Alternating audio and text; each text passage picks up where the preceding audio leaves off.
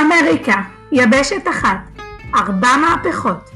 פודקאסט שירים בעקבות מהפכה, בהנחיית רז, אביה, תמר ובתל.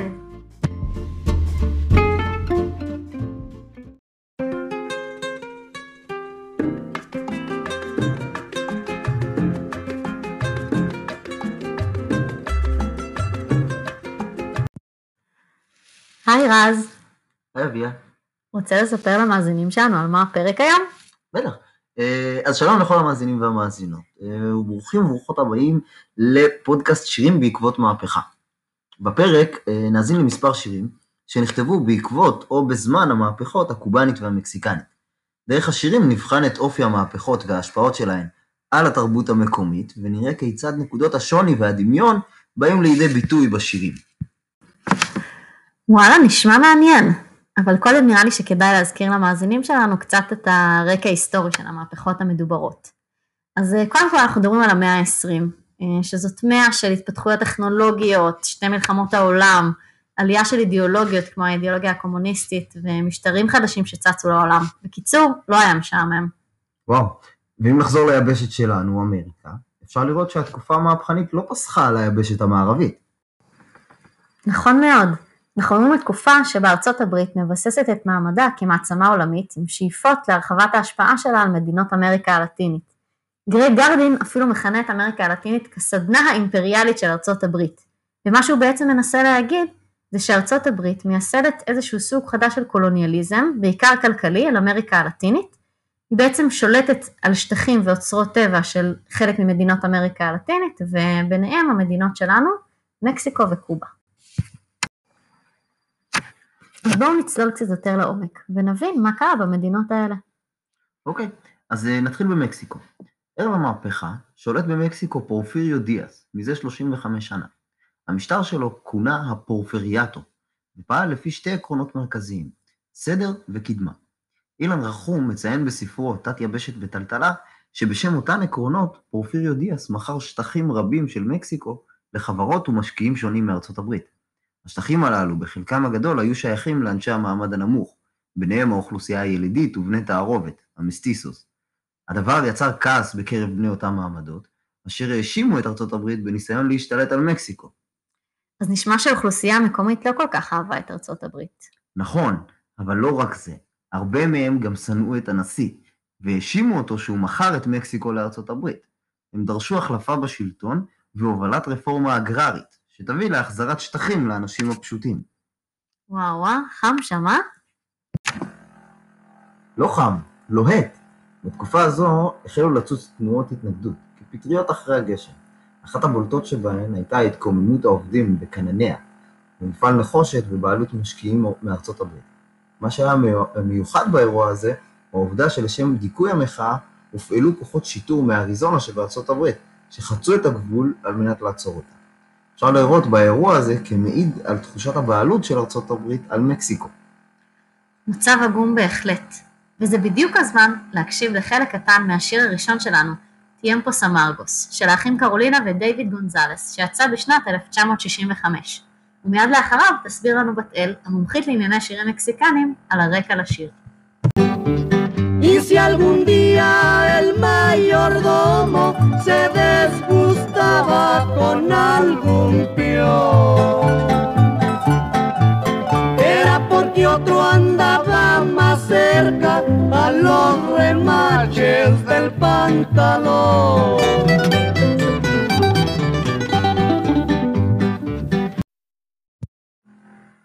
שלום בתל. שלום אביה, שלום רז. אז ספרי לנו, מה שמענו פה בעצם? אז אנחנו שמענו את הדואט של האחים קרולינה ודייוויד גונזלס. השיר מדבר על המעמדות במקסיקו של תקופת המהפכה.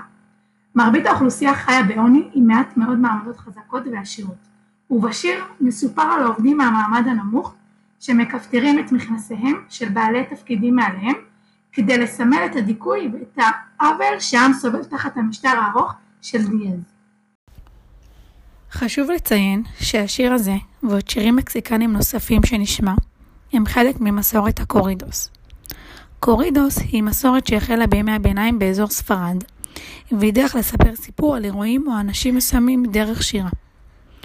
מה שמאפיין את שירי הקורידו היא הלחן הפשוט שמלווה את המלל הבנוי כסיפור. פעמים רבות לא ניתן לדעת מי הכותבים המקוריים של הקורידו, מאחר וחלקם הגדול הם שירי עם מקומיים שעברו מדור לדור. לאורך השנים ניתן למצוא ביצועים של אומנים שונים. במהלך המהפכה המקסיקנית הפכו הקורידוס לסוג של דרך להעברת מסרים מהפכניים. נכתבו קורידוס רבים על אודות גיבורי המהפכה, כמו פנצ'וביה ואמיליאנו ספטה. תודה בתל, ניפגש מאוחר יותר. אז אביה, מה אנחנו לומדים פה על הרקע למהפכה המקסיקנית? אם משתמש שוב בדבריו של אילן רחום, למרות הפיתוח הכלכלי של, של דיאז, הזדקר העוני לעין מכל עבר. עקרונות הסדר והקדמה של דיאז יצרו מדינה שבה הפערים הכלכליים הולכים וגדלים וקיים ניצול ואפליה מצד האוליגרכיה השלטת. אוקיי, אז אחרי שהנחנו את היסודות על מקסיקו, בואי נדבר קצת על קובה ויחסיה עם ארצות הברית. כבר הזכרנו שארצות הברית ניסתה להרחיב את תחום ההשפעה שלה באמריקה הלטינית ובאיים הקריביים. ניצחונה במלחמת ארצות הברית ספרד משחרר את קובה משליטה ספרדית, וארצות הברית ממלאת את מקומה של ספרד באופן זמני באמצעות ממשל צבאי בקובה. המטרה המוצהרת של ארצות הברית הייתה להעביר את מוסדות השלטון לממשלה קובאנית עצמאית, אך היא עושה זאת עם טוויסט קטן, שמכונה תיקון פלט. התיקון הזה, שנכפה על החוקה, החוקה הקובאנית, הבטיח את יכולתה של ארצות הברית להתערב בפוליטיקה הקובאנית במידה ותרגיש האינטרסים שלה נפגעים. במשך השנים הבאות, קובה מפתחת תלות כלכלית בארצות הברית, והשליטים הקובאנים היו כפופים למרותה. ואז הגיע הקש ששבר את גב הגמל הקובאני. איזה קש? בטיסטה. אה, פלוחנזיו בטיסטה היה השליט האחרון של קובה לפני המהפכה. כמו קודמיו, הוא הלך והגדיל את התלות של קובה בארצות הברית, ובהיותו בשלטון הצליח לעורר את מורת רוחם של מרבית האוכלוסייה, ואף את שותפיו לשלטון. נשמע כמו בלאגן רציני. אתה צודק, אתה צודק לגמרי. בואו נאזין לשיר נוסף, שיסביר לנו קצת מה היו התנאים המקדימים למהפכה הקובאנית. ומיד לאחריו, תמר בטיטו, מומחית לענייני המוזיקה הקובאנית, תסביר לנו מה הרקע של השיר והקשר שלו למצב בקובה.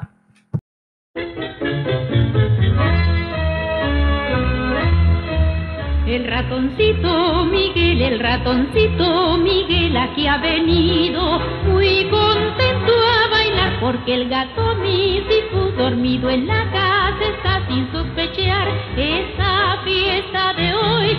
Silencio, no hay que gritar, no se vaya a despertar, bailemos sin alborotar. Porque también el ratón suele tener corazón para cantar, para reír, para bailar. שלום תמר. שלום אביה ורז. מה זה? זה נשמע כמו שיר ילדים. נכון, השיר נקרא אל רנצ'יטו מיגל, והוא נכתב על ידי פליקס בנג'מין עוד לפני תקופת המהפכה בשנת 1927.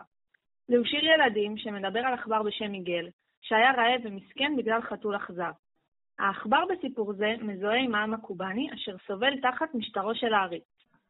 על פי הספר מוזיקה ומהפכה, שנכתב על ידי רובין מור על המהפכה הקובאנית, השיר היה מזוהה עם קבוצת המהפכנים של פידל קסטרו, ובעקבות כך בטיסטה אסר על השמעת שיר זה ברדיו. רגע, תמר, את מקדימה את המאוחר. עוד לא סיפרנו למאזינים על פידל קסטרו. אה, נו, אז יאללה, אי אפשר לדבר על המהפכה הקובאנית בלי לדבר על פידל קסטרו. כן, את ממש צודקת, אבל רגע לפני, בואו נסכם את מה שלמדנו עד עכשיו על שתי המהפכות. אז עד עכשיו נראה שהרקע לשתי המהפכות די דומה. שתיהן היו בשליטה ספרדית, ולאחר יציאתן לעצמאות הן נעשו בדרכים עקלקלות לנתונות לחסדיה של ארצות הברית. דרך שני השירים למדנו שחלק גדול מהאוכלוסייה המקומית בשתי המדינות לא אוהבת את המצב הקיים, ובשילוב עם ממשלות רודניות ופערים חברתיים, נוצרו תנאי השטח האידיאליים לביצוע מהפכות. אז נשמע שהדמיון בין המהפכות באמת גדול. נכון מאוד, אבל מכאן כל מהפכה הולכת לכיוון אחר. השירים הבאים שנשמע ילמדו אותנו על הכיוונים השונים שלקחה כל אחת מהמהפכות. אז בואו נאזין לקורידו הבא, שנכתב על המהפכה המקסיקנית, ולאחר מכן תסביר לנו בתל מה אפשר ללמוד ממנו על אופייה.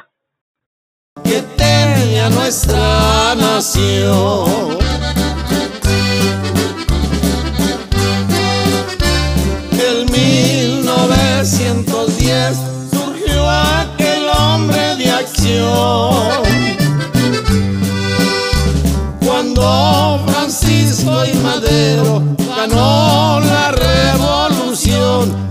Francisco I. Madero ganó la revolución y le lirio saliera de lana. הקורידו הבא שנשמע נקרא Corrido de la Revolución. את השיר כתבו ושרו להקת Los Alegres de Terán. הוא היה חלק ממחרוזת שירים שדיברה על המהפכה המקסיקנית ויצא בשנות ה-40.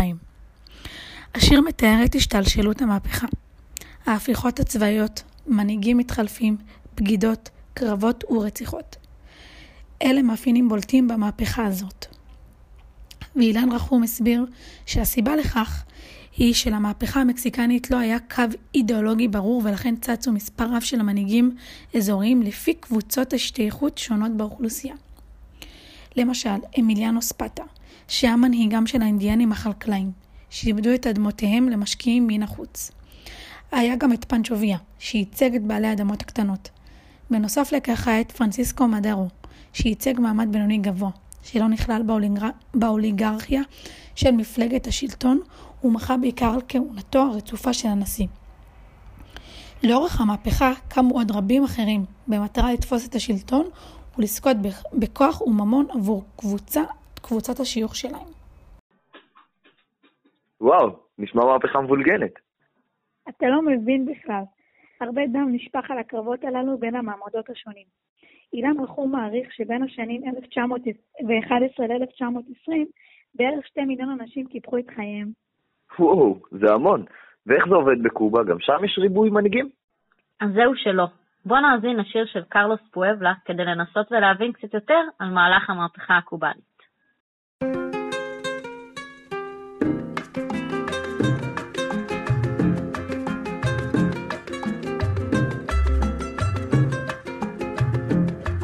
Pensaban seguir ganando el ciento por ciento con casas de apartamentos y echar al pueblo a sufrir y seguir de modo cruel contra el pueblo conspirando para seguirlo explotando.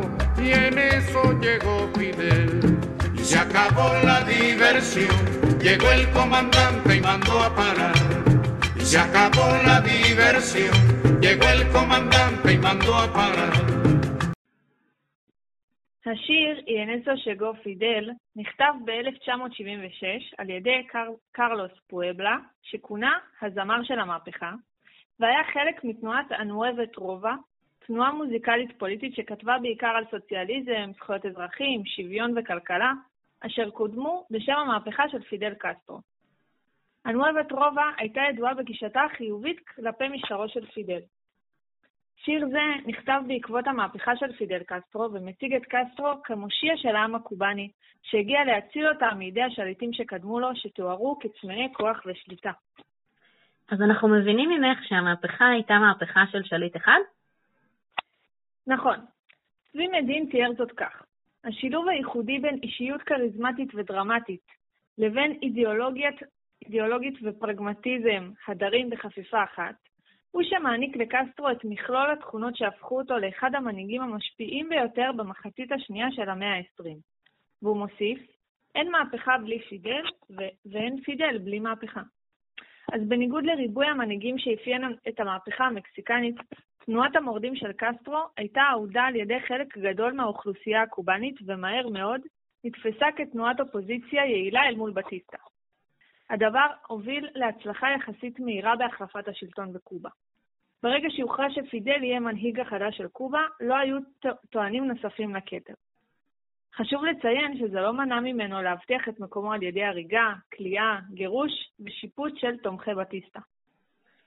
אז אנחנו מבינים ממך שפידל הוא מהפכה והמהפכה היא פידל, ואילו במקסיקו לא כל כך ברור מי המהפכה או לאן היא הולכת. נכון, וזה הזמן להאזין לשיר נוסף, שלוקח אותנו כמה שנים קדימה, לימים שאחרי המהפכה.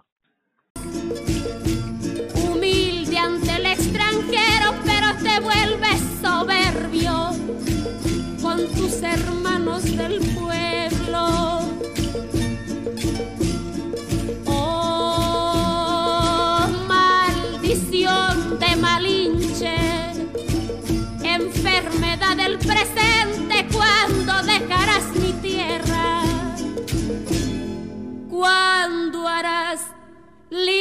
¿Cuándo harás libre a mi gente. השיר La Meditación de la Mancine נכתב על ידי גבינו פולמרש גומז, שהיה כותב ואקטיביסט מקסיקני. השיר נכתב בשנת 1975 והוקלט לראשונה ב-1978 על ידי הזמרת אמפרו אוצ'ה, זמרת ויוצרת מקסיקנית השייכת לג'אנר המכונה נואבה קנסיון, ז'אנר העוסק בתחומים פוליטיים, כלכליים וחברתיים במקסיקו. השיר מגנה את הניצול האירופאי והצפון אמריקאי על של העמים באמריקה הלטינית, ומעל הכל זה נותן ביקורת נוקבת על העדפת תרבויות אירופה וצפון אמריקה על חשבון התרבות המקסיקנית הלאומית. אז רגע, זה מחזיר אותנו לאחת הסיבות של פרוץ המהפכה מלכתחילה, ההשתלטות של ארצות הברית על מקסיקו. נכון.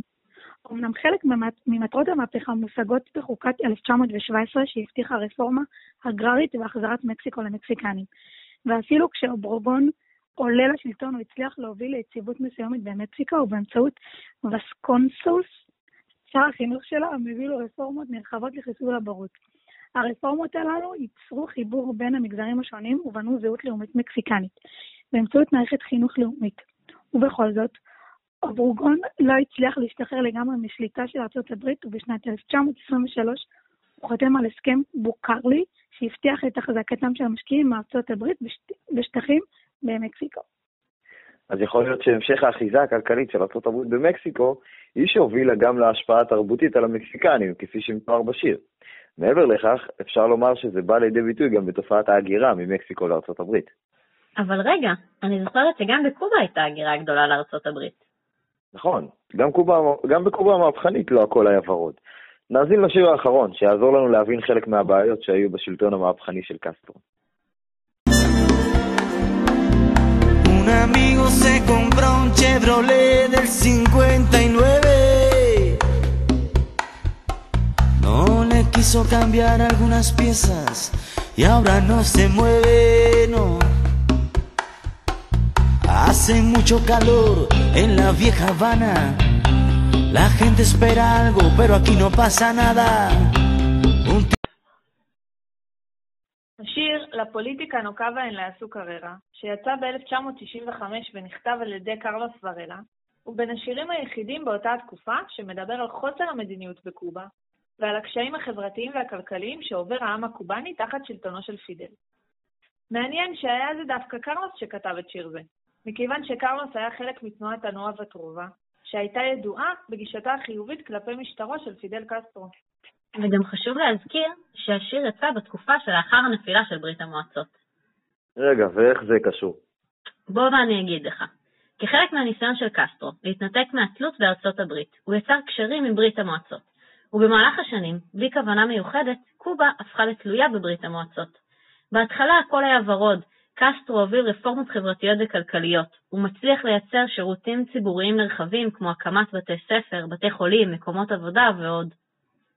אך אפשר להגיד שמרבית הכלכלה בקובה הייתה בנויה על מכירת הסוכר לברית המועצות, וברגע שהיא נפלה, והייתה קונה העיקרית, נותרה קובה במשבר כלכלי עמוק. עוד בשנים הטובות הייתה תופעת הגירה מקובה לארצות הברית, בעיקר בקרב המעמדות המבוססים שלא חיבבו את האידיאולוגיה המרקסיסטית-לניניסטית שאימץ קסטרו. ומאוחר יותר, נפילתה הכלכלית של קובה מייצרת אצל אוהדי קסטרו תחושת אכזבה, שניכרת גם בשיר ששמענו. בשנים אלה גם מעמדות נמוכים יותר באוכלוסייה מהגרים לארצות הברית על מנת לברוח מהעוני והרעב שפקד אותם. טוב, אז על מה דיברנו היום? נגענו בשתי מהפכות מאוד חשובות באמריקה הלטינית, המקסיקנית והקובאנית. ואיך המוזיקה שליוותה אותן, עמדנו על הדומה והשונה בין שתיהן. היה מעניין במיוחד לגלות ששתי המהפכות שהתחילו בתנאים די דומים, התפתחו לכיוונים שונים בהחלט. עושה חשק לטוס למקסיקו. אני דווקא מעדיפה את קובה. אז נתפשר על ארצות הברית. תודה רבה למשתתפות בפאנל, בתל ותמר, המומחיות המוזיקליות שלנו. תודה לכם. תודה רבה. ותודה לך, אביה. ותודה לך רז, ותודה לכל המאזינים והמאזינות, מקווים שנהנתם.